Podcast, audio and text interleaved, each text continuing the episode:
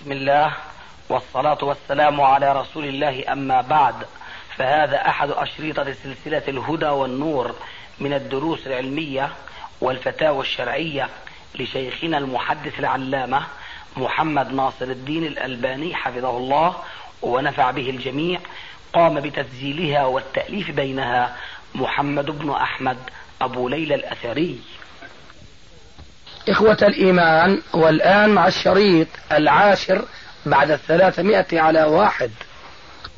بسم الله الرحمن الرحيم الحمد لله والصلاة والسلام على رسول الله. هناك أقوال يرددها بعض الناس المنتسبين إلى بعض الجماعات أو الفرق الإسلامية فنريد معرفة صحتها أو بطلانها في ضوء الدليل والبرهان. يقولون إن للشيعة الحق بأن يثقوا بمصادرهم ومروياتهم وأن لا نخالفهم في هذا الحق ويبقوا فرقة من المسلمين وكذا الحال للإباضية وباقي الفرق الإسلامية. بسم الله والصلاة والسلام على رسول الله. جوابي على هذا السؤال يشبه تماما كما لو قال قائل إن لكل أصحاب الديانات الموجود اليوم الحق أن يعتمدوا على كتبهم والروايات التي فيها. لكننا نحن نقول جوابا عن هذا وذاك. من أين جاء هذا الحق؟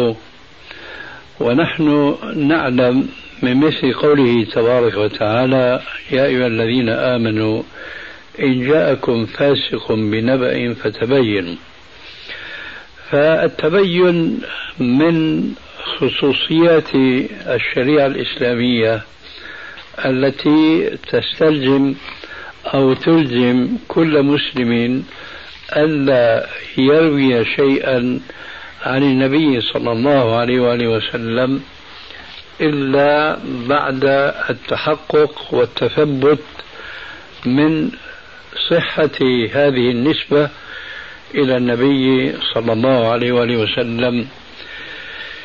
ولا شك أن أول ما نبدأ به من الكلام هو حول ما يروى عن النبي عليه الصلاة والسلام في بطون كتب المسلمين جميعا بغض النظر الآن عن اختلاف مذاهبهم ومشاربهم. ذلك لأن النبي صلى الله عليه وآله وسلم هو المرجع الثاني بعد آه، الرب تبارك وتعالى. ونعني كما أن الرجوع ينبغي أن يرجع المسلم إلى ربه أي إلى كتابه فكذلك يجب على المسلم أن يرجع إلى نبيه أي إلى سنته.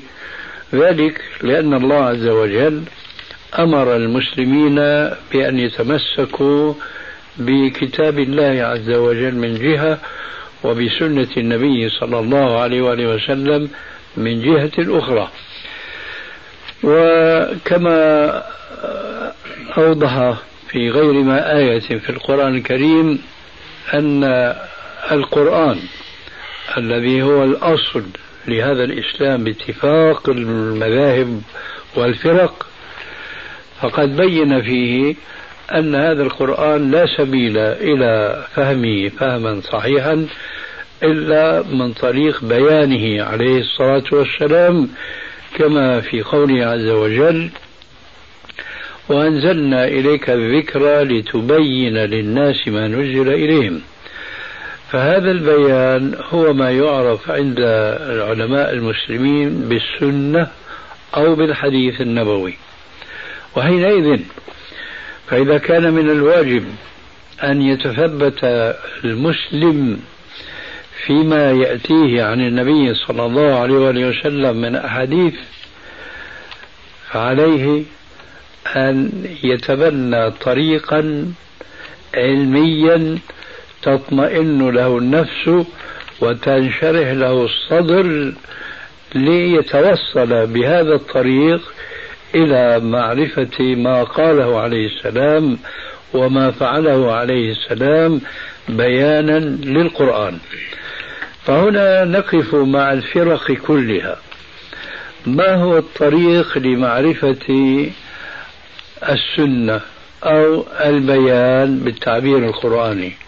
ما هو الطريق عندكم؟ أما طريقنا نحن فهو معروف بما يسمى بالسند أي أن يروي الثقة عن الثقة عن الثقة وهكذا متسلسلا آخذ بعضهم عن بعض إلى أن ينتهي الخبر إلى النبي صلى الله عليه وسلم.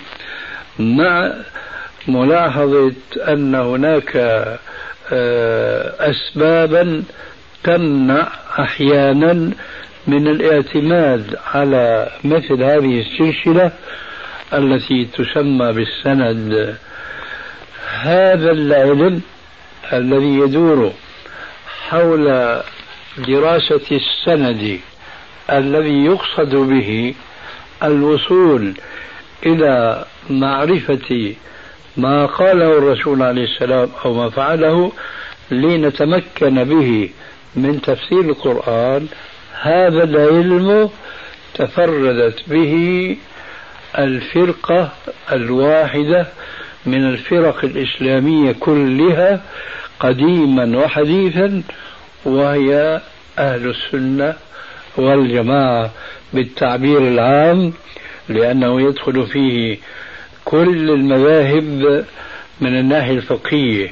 أتباع المذاهب الأربعة كما يدخل فيه أهل المذاهب الكلامية الأخرى ممن أيضا تدخل في دائرة أهل السنة وإن كان هناك شيء من التحفظ في إدخالهم في هذه الدائرة كالأشاعرة وكالماتريدية فسواء قلنا عن هذين المذهبين الكلاميين أو قلنا عن المذاهب الفقهية الأربعة فكل هؤلاء وهؤلاء متفقون مع أهل الحديث على أن طريقة معرفة الوصول إلى ما كان عليه الرسول عليه السلام من هدى ومن بيان القرآن ليس هناك إلا الإسناد.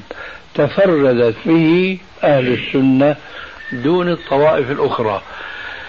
فإذا كان هذا مسلما لدى الفرق بصورة عامة ولدى موجه هذا السؤال بصورة خاصة ولا أعتقد أن أحدا يناقش في صحة هذا المنهج لمعرفة ما كان عليه الرسول عليه السلام من الهدى والسيرة وأكبر دليل على ذلك أن بعض الأفراد من الأمم الكافرة التي لا تشترك مع الفرق الإسلامية كلها في الشهادة لله عز وجل بالوحدانية ولنبيه صلى الله عليه وآله وسلم بالرسالة قد اعترفوا وهذا رغم أنوفهم بأن ما عند المسلمين من ما يسمى بالسند لمعرفة التاريخ الإسلامي الأول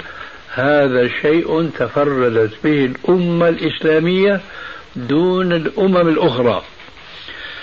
وكما يقول شيخ الإسلام ابن تيمية رحمه الله بأن الأمة الإسلامية تميزت على أمتي اليهود والنصارى بكونها على الهدى وعلى التوحيد. كذلك تميزت أمة الحديث من الإسلاميين على بقية الفرق الأخرى في نهجها. هذا المنهج العلمي القائم على السند وما يلوذ به ويتعلق به من معرفة علم مصطلح الحديث وعلم الجرح والتعديل فأهل الحديث تفردوا من بين الفرق الإسلامية كلها كما تفردت الأمة الإسلامية بالهدى والتوحيد من بين الأمم المعتقدة بالأديان كاليهود والنصارى وغيرهم فهذا كهذا. لذلك أعود لأقول إذا كان مثل هذا السائل أو الناقل يعتقد بصحة هذا المنهج فنحن نقول لهم حين ذاك بأن هذا التسليم الذي يدندنون حوله ويقولون بأنه لا ينبغي لأهل السنة أن ينكروا على الشيعة اعتمادهم على كتبهم وعلى روايات كتبهم. نقول إن كانت كتبهم قائمة على هذا المنهج الصحيح من أسانيد متصلة وروايات آه، ينبغي معرفتها من صحتها من ضعفها حينئذ نقول آه، الفصل بين أهل السنة وبين الشيعة إنما هو الرجوع إلى الأسانيد. فهل الشيعة عندهم أسانيد كما عند المسلمين الجواب لا. وفي اعتقادي أن المقصود من مثل هذا السؤال أو من مثل هذه الدعوة بأن للشيعة أن يعتمدوا هو التمهيد للفرق الأخرى. أن يعتمدوا على كتبهم هم. كالإباضية مثلا وكالزيدية مثلا ونحو ذلك من الفرق الإسلامية. كل هذه الفرق من عرف كتبها فهي فقيرة فقرا مدقعا من حيث أنه لا يوجد لديها أحاديث تروى عن الرسول عليه السلام بكثرة يمكنهم أن يعتمدوا عليها. في فهم القرآن الكريم كما يوجد ذلك عند أهل السنة وعند أهل الحديث بخاصة منهم. لذلك فهذا الذي يقول هذه الكلمة إنما يمهل للفرق الأخرى أن تعتمد على الكتب والروايات التي عندهم. أعود لأقول إن كان ما عليه علماء الحديث من الاعتماد على الأسانيد ومعرفة الرواة ونحو ذلك مما يتعلق بعلم الرجال والتعديل وعلم مصطلح الحديث هم يؤمنون بصحة هذا المنهج فنطالبهم بأن يلتزموا نفس المنهج في إثبات ما عندهم من روايات تتعلق بمذهبهم أو بفرقتهم. أه لكني أقول إن الواقع أن هذا الطريق إن لم يسلم به هذا المنهج الحديثي إن لم يسلم به من الفرق الأخرى أو من أهل الأديان الأخرى معنى ذلك أنهم جميعا لا يستطيعون أن يثبتوا ديانتهم ومذهبهم وما عليه هم من هدى أو من ضلال. آه، لأنه لا يوجد هناك طريقة ووسيلة أخرى لمعرفة ما كان في الزمن القديم إلا بطريق الإسناد. وإن قالوا نحن نسلم بصحة هذا المنهج وأنه لا طريق إلا الاعتماد على الإسناد حينئذ نقول لهم أين كتب الحديث التي تعتمدون عليها؟ وأين كتب الرجال التي تعتمدون على معرفة الثقة من من الضعيف من الكذاب من الوضاء إلى آخره؟ لا يوجد عندهم شيء يذكر من هذا القبيل إطلاقا. ثم أين الكتب التي يعتمدون عليها في تحصيل الأحاديث؟ نحن عندنا مثلا ما شاء الله مئات الكتب بعضها طبع وأكثرها لم يطبع حتى الآن كلها تروي الأحاديث عن الرسول عليه السلام بالأسانيد المتصلة منهم إلى النبي صلى الله عليه وسلم ولا نعني نحن حينما نقول هذا الكلام بأن كل ذلك هو صحيح ثابت عن النبي صلى الله عليه وسلم لكننا نريد أن نقول بأنهم في هذه المئات المئات من الكتب قد قدموا لنا الوسيلة التي بها يتمكن العالم من معرفة ما صح مما لم يصح عن النبي صلى الله عليه وسلم. أي قدموا لنا الأحاديث بالأسانيد. ثم مقابل هذه الكتب التي تذكر الأحاديث بالأسانيد عندنا كتب تعرف بكتب أسماء الرجال والرواة. في هذه الكتب الألوف المؤلفة من الرواة كل واحد يذكر من هم شيوخه من هم تلامذته الآخذين عنه ومتى ولد ومتى مات وهل استقام حفظه واضطرد حتى آخر رمق من حياته أم اختلط قبل موته ونحو ذلك من العلوم التي يعني نفخر نحن الإسلاميين على سائر الأمم من جهة ونفخر أيضا نحن السنيين على سائر الفرق من جهة أخرى بأننا وحدنا فقط الذين من الله عز وجل علينا بمثل هذه الوسيلة التي حفظ الله لنا ديننا وفاء بوعد ربنا تبارك وتعالى الذي قال في القرآن الكريم إنا نحن نزلنا الذكر وإنا له لحافظون. آه لنضرب بعض الأمثلة. الشيعة مثلا هؤلاء آه أعظم كتاب عندهم هو الكتاب المسمى بالكافي للكليني وهو هنا عدة مجلدات ضخمة. آه، أولا هذا الكتاب أكثره بالتعبير الحديثي الحديثي السني معاضيل وأحسنها مراسيل. وأكثرها مقاطيع يعني موقوفة ليس لها علاقة بالرسول عليه السلام.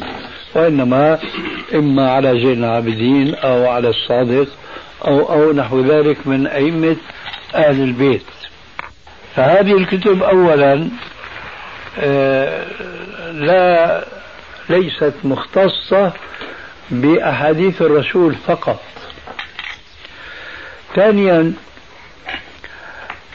هذه الكتب آه، وهذا أهمها عندهم لأنهم يصرحون بعضهم بأن كتاب كتاب الكافي هذا للكليني عند الشيعة بمنزلة صحيح البخاري عند السنة. مع ذلك إذا قابلت آه هذا الصحيح عند أهل السنة بذاك الصحيح المزعوم عند الشيعة وجدت فرقا شاسعا جدا بينهما كما قيل قديما فأين الثريا من الثرى وأين معاوية من علي؟ ستجد أحاديث البخاري كلها صحيحة بالأسانيد المتصلة منه إلى النبي صلى الله عليه وسلم إلا أفراد قليلة قليلة انتقدها بعض أهل الحديث وسلم بصحتها كلها للإمام البخاري إلا أفراد قليلة منها. أما كتاب الكافي للكليني فالذين نقحوا وقدموا في بعض الطبعات صرحوا بأن لا أعود أذكر الآن يعني كمية كبيرة جدا جدا من الروايات التي فيها عن الرسول عليه السلام أو عن أهل البيت لا تصح. ومع ذلك فهو عندهم في منزلة صحيح البخاري. آه، نقابل مثل هذا الكتاب المتعلق بالرواية عن الرسول عليه السلام وعن أهل البيت. فما هو الكتب التي ما هي الكتب التي عندهم لمعرفة آه، رجال الشيعة الذين يرون الأحاديث عن الرسول عليه السلام؟ لهم كتب صغيرة الحجم جدا عبارة عن مجلد واحد أو مجلدين ثم حين دراستها لا تجد فيها توثيقا صريحا ولا تجد هناك أئمة كأئمة أهل السنة الذين يعني نتشبع بالاطلاع على توثيقهم وعلى تجريحهم كالإمام أحمد والبخاري ويحيى بن معين وعلي بن المديني والرازي ونحو ذلك من حبان. مثل هؤلاء الأئمة لا يوجد عند الشيعة أبدا فهم فقراء من الناحيتين. الناحية الأولى هي الوسيلة لمعرفة صحة الحديث وهو السند. والناحية الأخرى الوسيلة لنقد السند بمعرفة الرجال. فهم فقراء في كل من هاتين الوسيلتين ولذلك فهم لا يستطيعون أن يؤلفوا. مثلا مثلا أنا الرجل الألباني اللي أصله أعجمي الآن له سلسلتان سلسلة أحاديث الصحيحة وسلسلة أحاديث الضعيفة فإذا الآن عنده هو وحده فضلا عن البخاري ومسلم الذين تقدمونا نحو ألفين من الأحاديث الصحيحة. فأين كتب الشيعة في تمييز الصحيح من الضعيف؟ لا وجود لمثل هذا إطلاقا. وإذا تركنا الشيعة ويرحمك الله.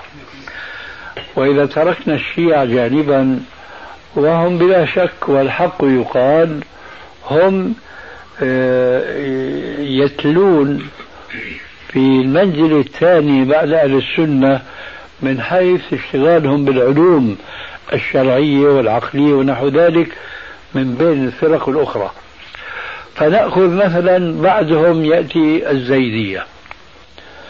فأين كتب الزيدية أيضا يأتي نفس السؤال السابق؟ كتبهم التي تروي الأحاديث عن الرسول عليه السلام. كتبهم التي تتحدث عن الرواة وعن مراتبهم في الجرح والتعديل. أنا شخصيا إلى الآن لا أعرف كتابا للزيدية في الجرح والتعديل. أعرف للشيعة بعض الكتب لكنها لا تروي ولا تشفي أما الزيدية إلى الآن لا أعرف لهم كتابا. في معرفة رواة كتب الحديث عندهم. لكن من أعجب الأشياء عندهم كتاب في رواية الأحاديث معتمد عندهم مسند مين؟ زيد, آه زيد ابن علي. نعم. مسند زيد هذا يرويه رجل كذاب عندنا وهم لا يستطيعون دفاعا عنه لأنهم فقراء في التراجم إطلاقا. فإذا كان هذا المسند هو عمدة مذهبهم ولذلك نجد سواء الشيعة أو زيدية إنهم يعتمدون على كتبنا نحن أهل السنة في تأييد ما عندهم من الحق. أما إذا أرادوا أن يؤيدوا ما عندهم من الباطل في وجهة نظرنا فلا يجدون في كتبهم إلا روايات منقطعة أو مقطوعة أو نحو ذلك. من العلل المعروفة عند أهل الحديث. هذا مثال يتعلق ذاك مثال يتعلق بالشيعة الكافي الذي هو بمنزلة إيه؟ صحيح البخاري وهو لا يوثق به حتى بالنسبة لبعض المحققين من علماء الشيعة وكتابهم في العصر الحاضر. وفيه طامات من حيث نسبة آه، علم الغيب إلى أهل البيت ونحو ذلك ولسنا في هذا الصدد الآن. وهذا شأن الذين يأتون بعد الشيعة من بعد السنة يأتي الشيعة ثم قلنا الزيدية عندهم مسند زيد بن علي ويرويه كذاب عندنا. نأتي أخيرا إلى آه، مثال ثالث وأخير وهم الخوارج أو الإباضية. أهم كتاب عند الإباضية هو الكتاب المسمى بمسند الربيع بن حبيب الأزدي وقد ابتدع بعض متأخريهم مضاهاة منه لما عند أهل السنة من صحيح البخاري وصحيح مسلم وصحيح ابن خزيمة وصحيح ابن حبان. هم ما عندهم أي كتاب اسمه صحيح فابتدعوا لهذا الكتاب المعروف قديما وحديثا باسم مسند الربيع بن حبيب فقط. فسموه صحيح. من عندهم سموه بالصحيح مضاهاة لصحيح البخاري وصحيح مسلم ونحو ذلك. آه هذا الكتاب الذي هو مسند الربيع أو بزعمهم يسمونه بالصحيح فنقول هذا الصحيح معتمد أولا على بعض الشيوخ للربيع بن حبيب غير معروفين تراجمهم حتى عندهم حتى عندهم تراجمهم غير معروفة بل أعجب من هذا بكثير وبهذا أنا أنهي الكلام عن هذا السؤال. أعجب من هذا العجب أن الربيع بن حبيب لا ترجمة له لا عندنا ولا عندهم هذا الذي يروي كتاب إيش؟ صحيح الربيع ابن حبيب ابن حبيب.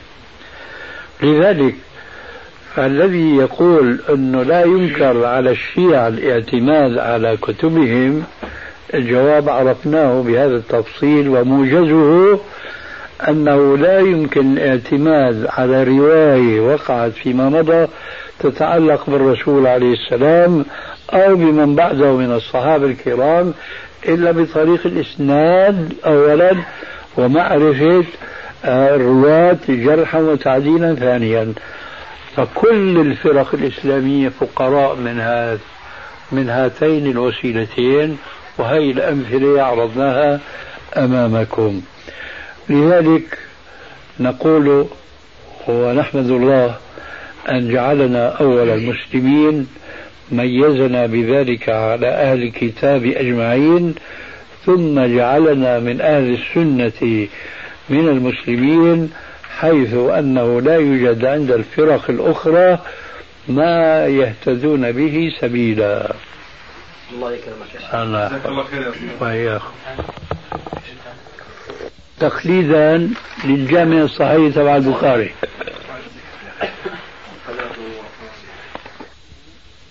أستاذ تتميما للبحث يعني يذكر يعني في بعض الكتب من كتب الإباضية إنه له ترجمة واحيانا يطولون وأخذ عن فلان وراح واجا وكذا فيعني كيف نستطيع نجاوب عليهم في مثل هذا؟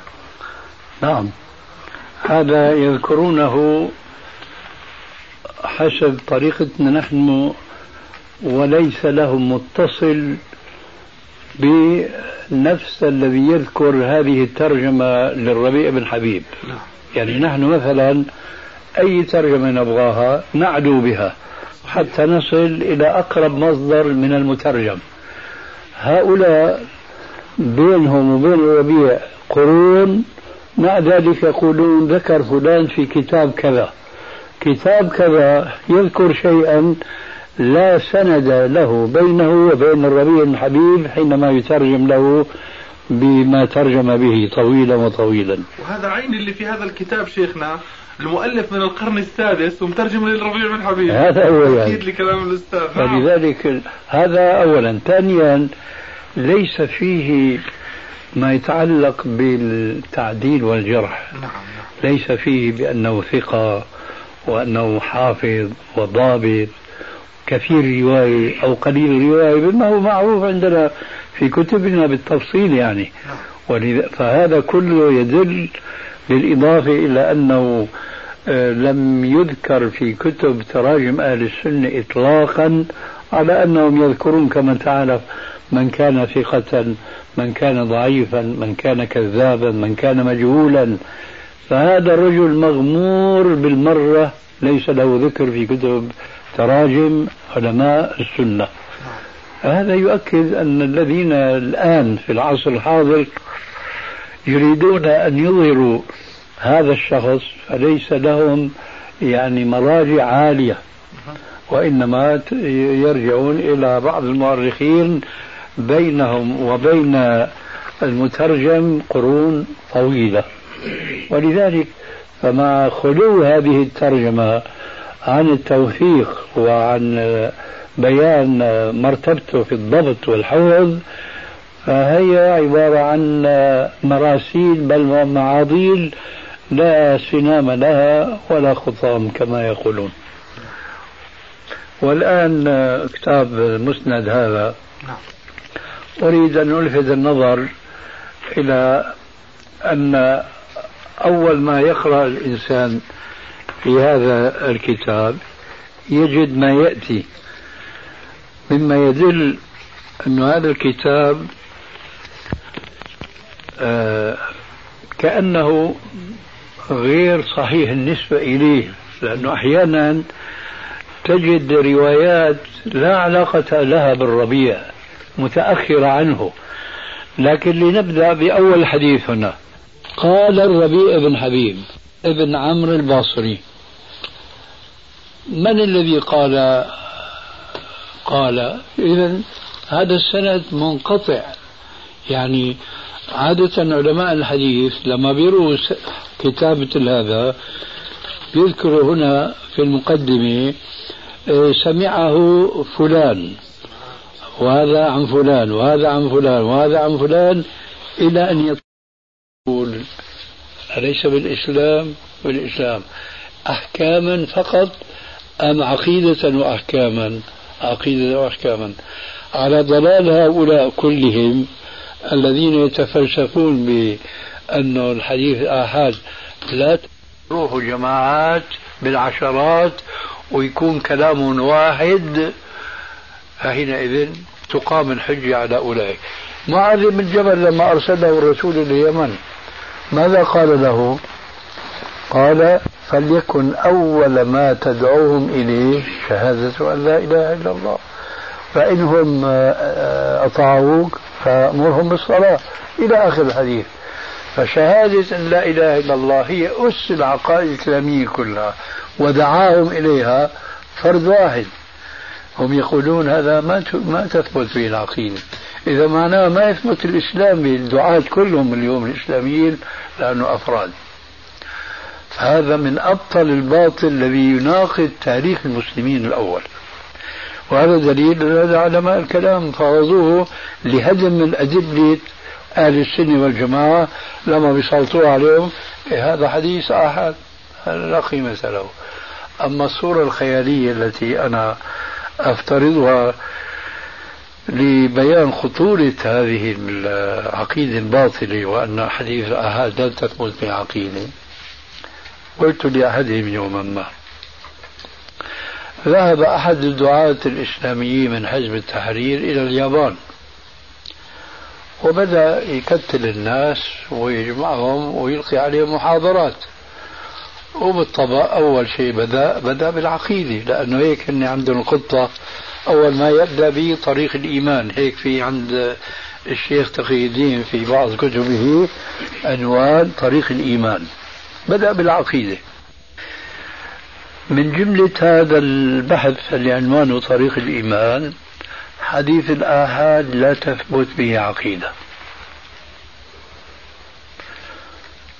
تخيلت أنا أنه أحد الأذكياء في المجلس عم يسمع المحاضرة قال له يا أستاذ أنت بتقرر فينا أنه حديث الآحاد لا تثبت بعقيدة وأنت تدعونا إلى الإسلام وأنت فرد واحد فمعنى ذلك أن ما تدعون إليه بعقيدتك أنت لا تقوم الحجة علينا ولذلك لازم ترجع لبلدك وتجيب عشرات من حكايتك ويسمعونا شهادتك وكلامك حتى يصير حديثك حديث إيش؟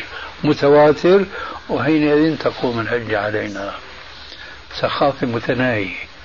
لكن هذا لازمهم كلما جاء حديث صحيح يردوه بأنه أحد لا يردونه بالنظر إلى السند وأنه غير صحيح إنما روى أبو بكر أبو بكر الصديق كذاب بيقول لا طيب لماذا لا يؤخذ وهذا بيذكرني بشيء لو أبو بكر سمعت الدنيا كلها عنه مش عشر عشرين لو مئة شخص ومئة شخص ومئة شخص وجاءوا وقالوا لنا أبو الصديق قال قال رسول الله لا تقوم به حجة ليش؟ لأنه أهان طيب أبو بكر بيكذب؟ لا ما بيكذب حاشاه إذا ممكن أن يخطئ.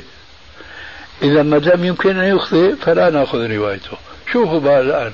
الأقوال التي يحتجون بها لا يمكن أن يخطئوا.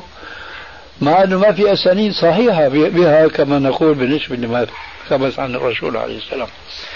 لذلك آه، الحق هو مع أهل السنة والجماعة الذين يحتجون بالأحاديث الصحيحة وأولئك الذين يحتجون بأقوال الآخرين ولا سند لها ولا خطام فهم في ضلال مبين. خلاصة الكلام السابق هو لا مخلص لهم من أحد شيئين. إذا نفوا أحدهما ما يستفيدون نفي الآخر. الشيء الأول أنهم كفروا بغير حجة زعموا. لكن الشيء الآخر أنهم ضللوا لأنهم خالفوا تفسير الرسول للقرآن والسلف الصالح أيضا بدون حجة سوى أقوال المشايخ تبعهم وذلك هو الضلال المبين. أنا شخصيا كما قلت نضلل هؤلاء ولا نكفرهم لأن الله عز وجل هو العليم بما في صدورهم.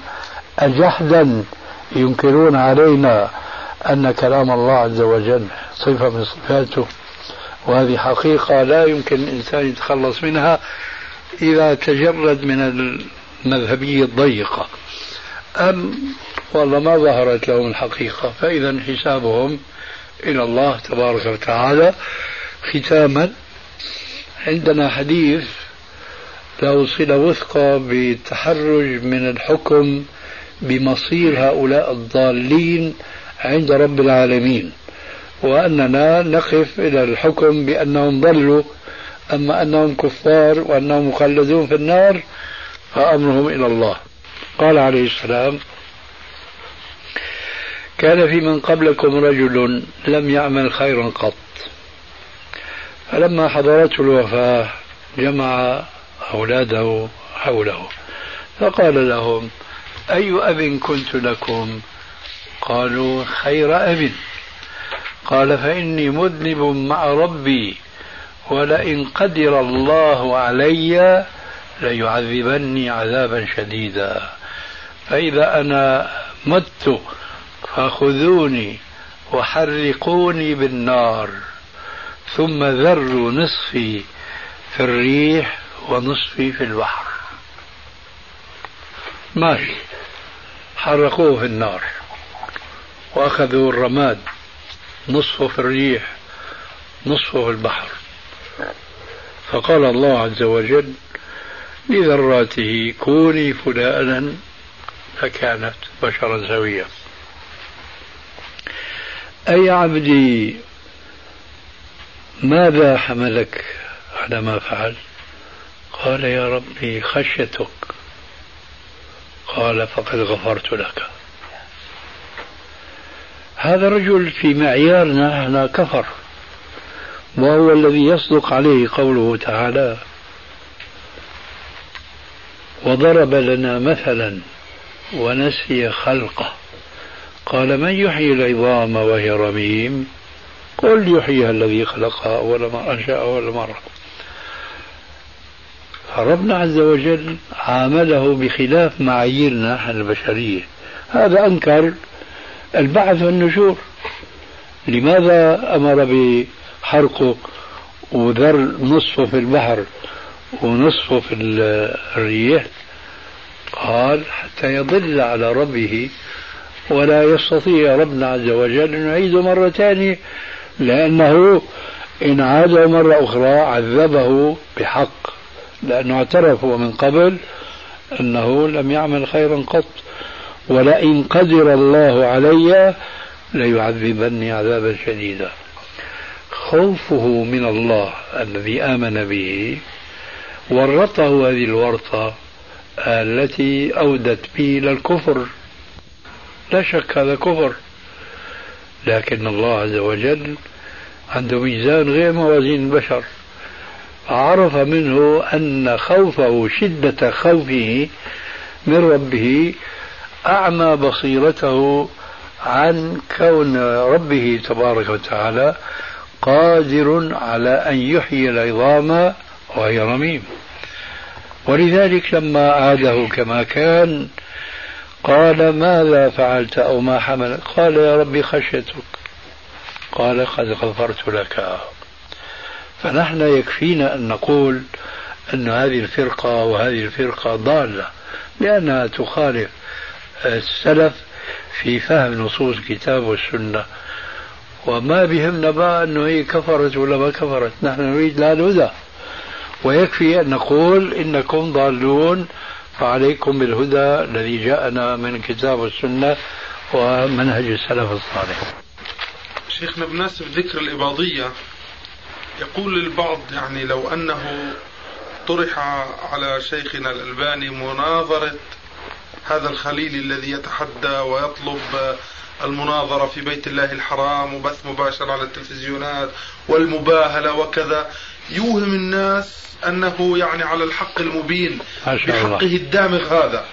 فلو طلب منكم ونحن يعني نعرف صحتكم وكذا فمع ذلك يعني ما هو الرأي عندكم؟ أنا رأيي كما تعلمون دائما مستعد أن يجتمع معي إنسان. ولكن لعلمي بأن هناك اختلافا جوهريا بين أهل السنة والبدعة عموم البدعة سواء كانت تشمل الإباضية أو الشيعة أو, أو إلى آخره أنه لابد من طرح الأصول التي يجب الالتقاء عليها ثم مناقشة ما يتفرع على هذه الأصول من اختلافات نعم. أما والأصول نحن لا نزال مختلفين فيها. نقعد نتناقش في ما يتفرع من هذا الخلاف الأصول فهذا كالذي يضرب في حديد بارد أو يحارب في الهواء لا فائدة منه. وهذا ما كنت أجابه به الشيعة وأنا في دمشق. نعم. فكنت أقول لهم أنتم مثلا لا تعتمدون على صحيح البخاري ونحن لا نعتمد على الكليني فنحن إذا احتججنا عليكم بالبخاري ما تقبلون الحجة. فإذا بدنا نضع مناهج صحيحة بعد كتاب الله الذي أجمعنا على صحته. كيف يفسر؟ وعلى ماذا يعتمد من الأحاديث إلى آخره؟ هذه الأصول يجب البحث فيها قبل ما يتفرع من الخلاف أو الاتفاق على هذه الأصول. فإذا اتفقنا مثلا كالمثال السابق. إذا اتفقنا أنه الحديث الآحاد حجة فيجب الخضوع في أي مسألة جاء حديث آحاد ما دام أنه صحيح. أو اتفقنا لا سمح الله على خلاف ذلك. فحينئذ نحن لا نحتج لأنفسنا فضلا عن أن نحتج على غيرنا بأحاديث الآحاد لأنه ثبت في الفرضية التي نتحدث عنها أنها ليست صالحة للاحتجاج بها وعلى ذلك فقط فأنا مستعد أن أجتمع معي إنسان بس بهذا الشرط وليس رأسا نخوض في الموضوع ونحن مختلفون في الأصول. وهم يزعمون وهذا أمر خطير جدا أنه لا خلاف بين المسلمين في الأصول. كثير من الدعاة الإسلاميين اليوم أنه لا خلاف بين المسلمين في الأصول وهذا الذي ورط طائفة من الشباب المسلم حينما أعلن الخميني دولته فسارعوا إلى مبايعته وإلى مساندته وإلى آخره. ذلك لأنهم يتوهمون أنه لا خلاف بيننا وبين الشيعة إلا في الفروع. لأنهم يجهلون ما في بطون كتب الشيعة من الخلاف في الأصول. وأي أصل مثلا بالنسبة إليهم بعد القرآن إذا كانوا يعتقدون بأن القرآن الذي بين أيدينا هو ربع مصحف فاطمة. فأي أصل بعد ذلك يصح أن يقال؟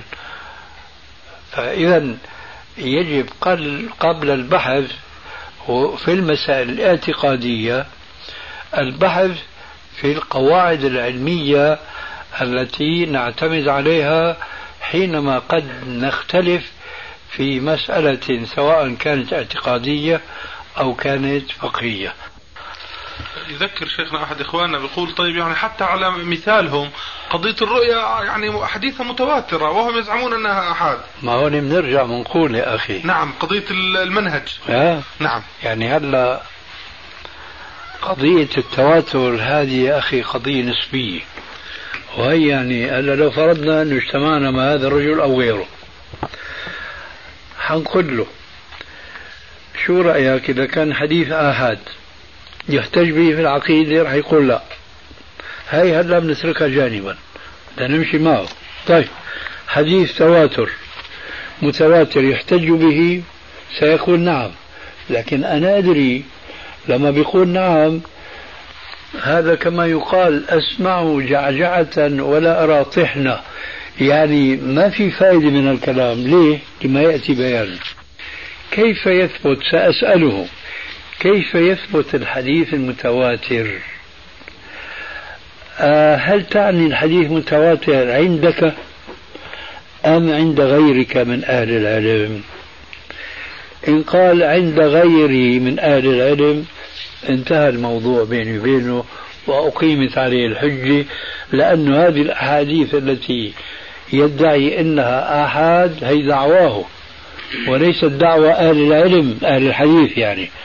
وإن قال لا الآحاد والتواتر هو بالنسبة لما عندي من علم. نقول له هل أنت من أهل الحديث؟ ألا تؤمن بأن العلوم يجب أن يكون فيها متخصصون في كل علم وأنه لا يجوز الاعتداء في الاختصاص من عالم على آخر. هل يجوز مثلا أن يكون الشيخ الفقيه طبيبا أو أن يكون الطبيب فقيها؟ وفر ما شئت وأكثر من الأمثلة. طبعا سيكون الجواب اللي بيرجع للعقل إذا كان عندهم بقية من عقل سيقول لا والله هذا كلام صحيح. طيب هل أنت من علماء الحديث؟ ما الذي تعرف من كتب الحديث وكتب الرجال وما هو الحديث الصحيح وما هو الحديث الحسن والحسن لغيره والحسن لذاته وإلى آخره؟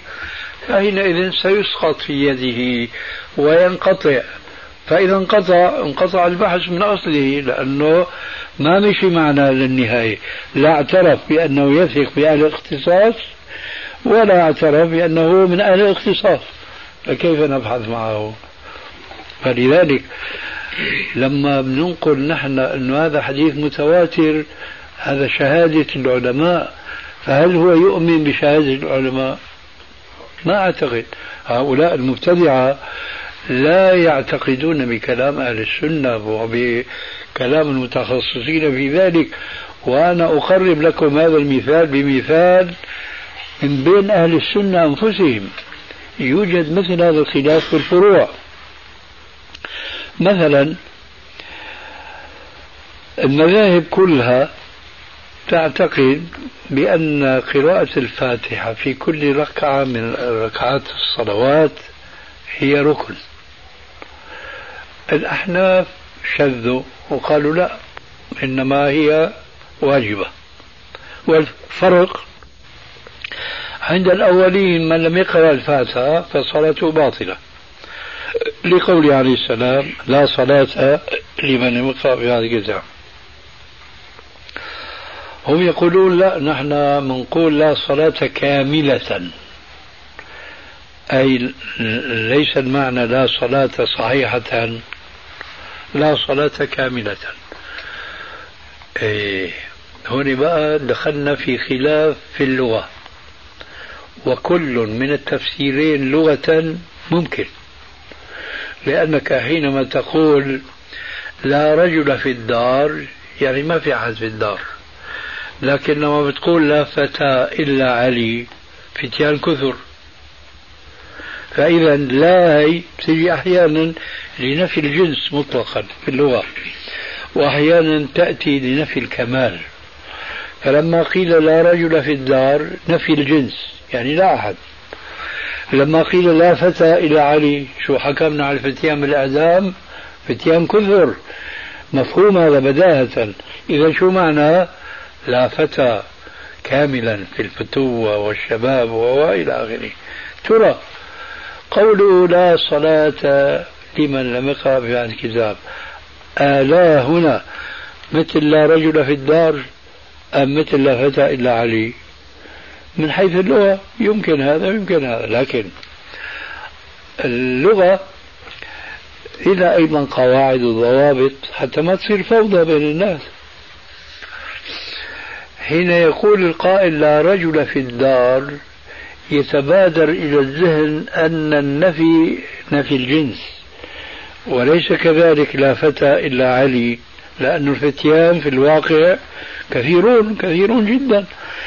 هذا الواقع يضطر السامع أن يفهم لا الثانية في لا فتى أن المقصود بها نفي الكمال وليس نفي الجنس يعني ما في فتى في الدنيا غير علي. وليس الأمر حينما يقول العربي لا رجل في الدار فليس هناك في الذهن أنه في رجال في الدار لكن هو يريد أن يقول لا رجل كاملا في الدار. ما يتبادر هذا الكلام. نرجع بقى لحديث الرسول. لا صلاة لمن لم يقرأ في هذا الكتاب. على أي القاعدتين يفهم؟ يفهم على القاعدة الأولى لأن هذا حكم شرعي. فالأصل في لا لنفي الجنس إلا إذا كانت قرينة قائمة كما هو في المثال الثاني لا فتح. الأحناف قالوا لا نحن بنقول صلاة أي كاملة بدليل أن القرآن قال فاقرأوا ما تيسر من القرآن. وما تيسر نص مطلق. إيه ما بيجوز هم يقولون ما بيجوز تقييده بالحديث. هون الشاهد. ليش؟ لأن القرآن متواتر والحديث آحاد. هون الشاهد بقى. مين قال إنه هذا الحديث آحاد؟ هذا الفقيه الحنفي المتعصب. هيك بدعي وقد تكون دعوة صحيحة لكن بالنسبة له هو ما وجد لهذا الحديث الطرق الكثيرة حتى يصل إلى اعتقاد أنه حديث متواتر. لكن نحن نقول له أمير المؤمنين في الحديث وهو الإمام البخاري له رسالة سماها جزء القراءة جزء القراءة رسالة خاصة في القراءة وراء الإمام. مطلع هذه الرسالة تواتر عندنا أن النبي صلى الله عليه وسلم قال لا صلاة لمن لم يقرأ بهذا الكتاب. فالآن نقبل شهادة أمير المؤمنين في الحديث بأن هذا الحديث متواتر. أن أم نقبل شهادة فقيه ليس له اشتغال بعلم الحديث ولا معروف عند العلماء الذين جاءوا من بعده أن له مشاركة في علم الحديث. لا شك أننا في والحالة هذه نأخذ بقول المختص في هذا العلم وهو البخاري. فهذا الخليلي صاحب الكتاب المزعوم الحق الدامغ بيجي بينصب حاله مجتهد في الحديث مجتهد في التفسير مجتهد في الفقه المقارن على المذاهب الأربعة والأربعة عشر والأربعين والى آخره وبيجي بيقول لك هذا حديث آحاد. مين أنت يا رجل؟ ما حدا عارف عنك أنك اشتغلت بكتب الحديث خاصة لعند أهل السنة وتتبعت طرق هذا الحديث وذاك وبالأخير ما تبين لك أن هذا الحديث حديث تواتر. شو قيمة شهادتك أنت؟ فهو إذا رجل مغرور أو يعرف أنه ليس على علم لكن يريد أن يؤيد ما وجد عليه الآباء والأجداد. ولذلك فلا بد من وضع مبادئ وقواعد يتفق عليها بعد ذلك ممكن إزالة خلافات أو بعض الخلافات على الأقل لأنه أنا أعتقد أن هذه الخلافات بنيت على خلاف الأصول. فإذا اتفق في شيء من هذه الأصول أمكن الاتفاق في شيء مما يتفرع ولا أقول في الفروع لأنه ليس بحثنا فيما يقال إنه فروع وليس بأصول. ما هو ضابط الأخذ بالحديث الذي صححه بعض علماء الحديث وضعفه البعض الآخر؟ إيه، هذا جوابه كلمة واحدة لأنه لا جواب عليه. ضابطه أن يكون من أهل الحديث أي أن يكون عالما بقواعد علماء الحديث وبأصولهم وبما قالوا في تراجم رواة الحديث. وبخاصة هذا الحديث الذي اختلف فيه فبعضهم يقول صحيح وبعضهم يقول ضعيف.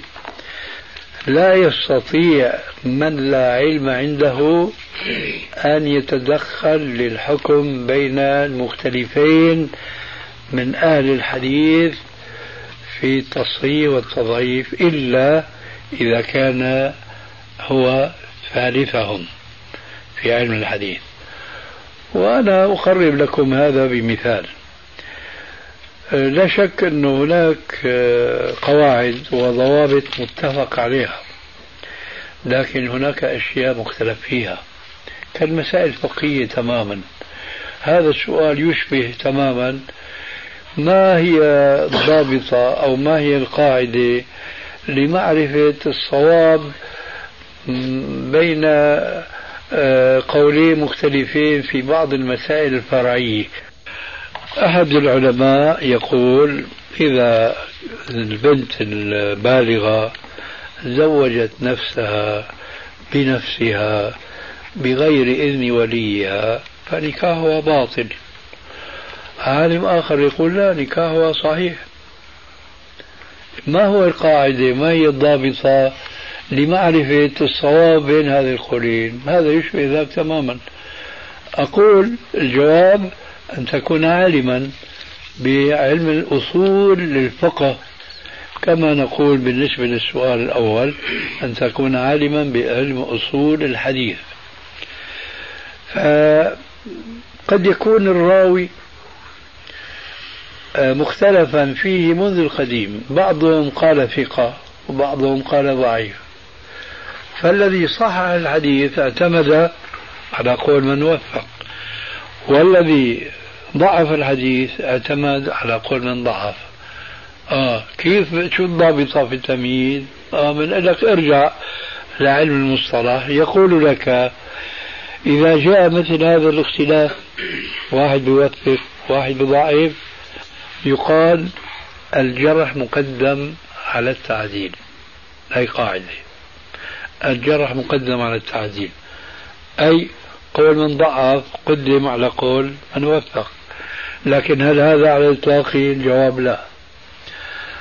أولا الجرح مقدم على التعديل إذا كان الجرح مبينا مفسرا. أما مجرد ضعيف لا. يقدم التوثيق على التضعيف لأنه لا حجة عنده. ثانيا جرح وبين السبب. يجب دراسة السبب. إن كان السبب له علاقة. بالرواية نضرب مثال يعني بارز. أن يكون متهما في صدقه. فحينئذ هذا جرح مفسر آه، يقدم على توثيق من وفق. لكن هذا وحده يعني فقط لا نقول كمان قد يكون وضعه أحسن من هيك لكن مع ذلك آه، يقدم الجرح. كأن يقول ضعيف سيء الحفظ وبيجيب بعض الشواهد بتدل على سوء حفظه في مخالفته للثقات. فحينئذ نقول الجرح مقدم على التعديل. هذا مين بده يقوم فيه؟ العالم في علم الحديث. ويكون هناك كمان أسباب ثانية والبحث في هذا بحث طويل وطويل جدا لكني أختصره بمثال واحد. يكون عمدة من صحح الحديث ليس مخالفا لمن ضعف. هذه من النقاط الدقيقة. أي المصحح يتفق مع المضاعف في ناحية لكن يختلف عنه في ناحية أخرى.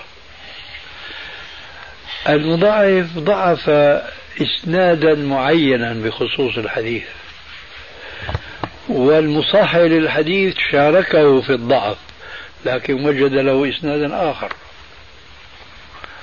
قد يكون هذا الإسناد إما صحيحا لذاته فات المضاعف للحديث أو حسنا لذاته فات المضاعف للحديث أو ضعيف مثل الأول لكن أحدهما يقوي الآخر هذا من أسباب الاختلاف فشو هي الضابطة؟ إذا بدها عالم بالحديث فهو بيظهر شو الضابطة أن يرجع إلى علم المصطلح شبه تتميم لهذا الموضوع آه.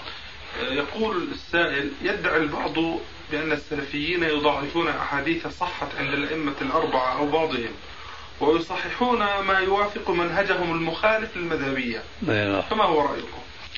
أقول هذه دعوة باطلة وكما قيل والدعاوي لن تقيموا عليها بينات أبناؤها أدعياء آه، السلفيون الفرق بينهم وبين المذهبيين أنهم لا يتعصبون لإمام من أئمة المسلمين. لا في الفقه ولا في الحديث ولا في شيء آخر. وإنما ينتصحون بنصيحة الأئمة أنفسهم الذين نهوا عن تقليدهم وقالوا لأتباعهم خذوا من حيث أخذنا. نحن نحاول أن نأخذ من حيث هم أخذوا. هم مثلا أخذوا عن الصحابة وصحابة عن رسول الله لكنهم ما تقيدوا بصحابي معين. تارة أخذوا عن أبو بكر تارة عن عمر. كما هم نهجوا هذا المنهج في خير الناس بعد رسول الله صلى الله عليه وآله وسلم. فنحن أيضا آه، نفعل فعلهم نأخذ من مذاهبهم ما وافق الكتاب والسنة والسنة الصحيحة لا نتعصب لأحد منهم. فتارة نوافقهم جميعا. تارة نوافقهم جميعا. تارة نخالفهم جميعا. لأننا في هذه الحالة الثانية أخذنا وفق ما كان عليه أئمة آخرون وهكذا. فادعاء أنه نحن بنخالف الأئمة أو بعض الأئمة لتأييد مذهبنا. نحن ليس لنا مذهب معين. مذهبنا أن ندور مع الحق حيث كان وهذا الذي أمرونا به أي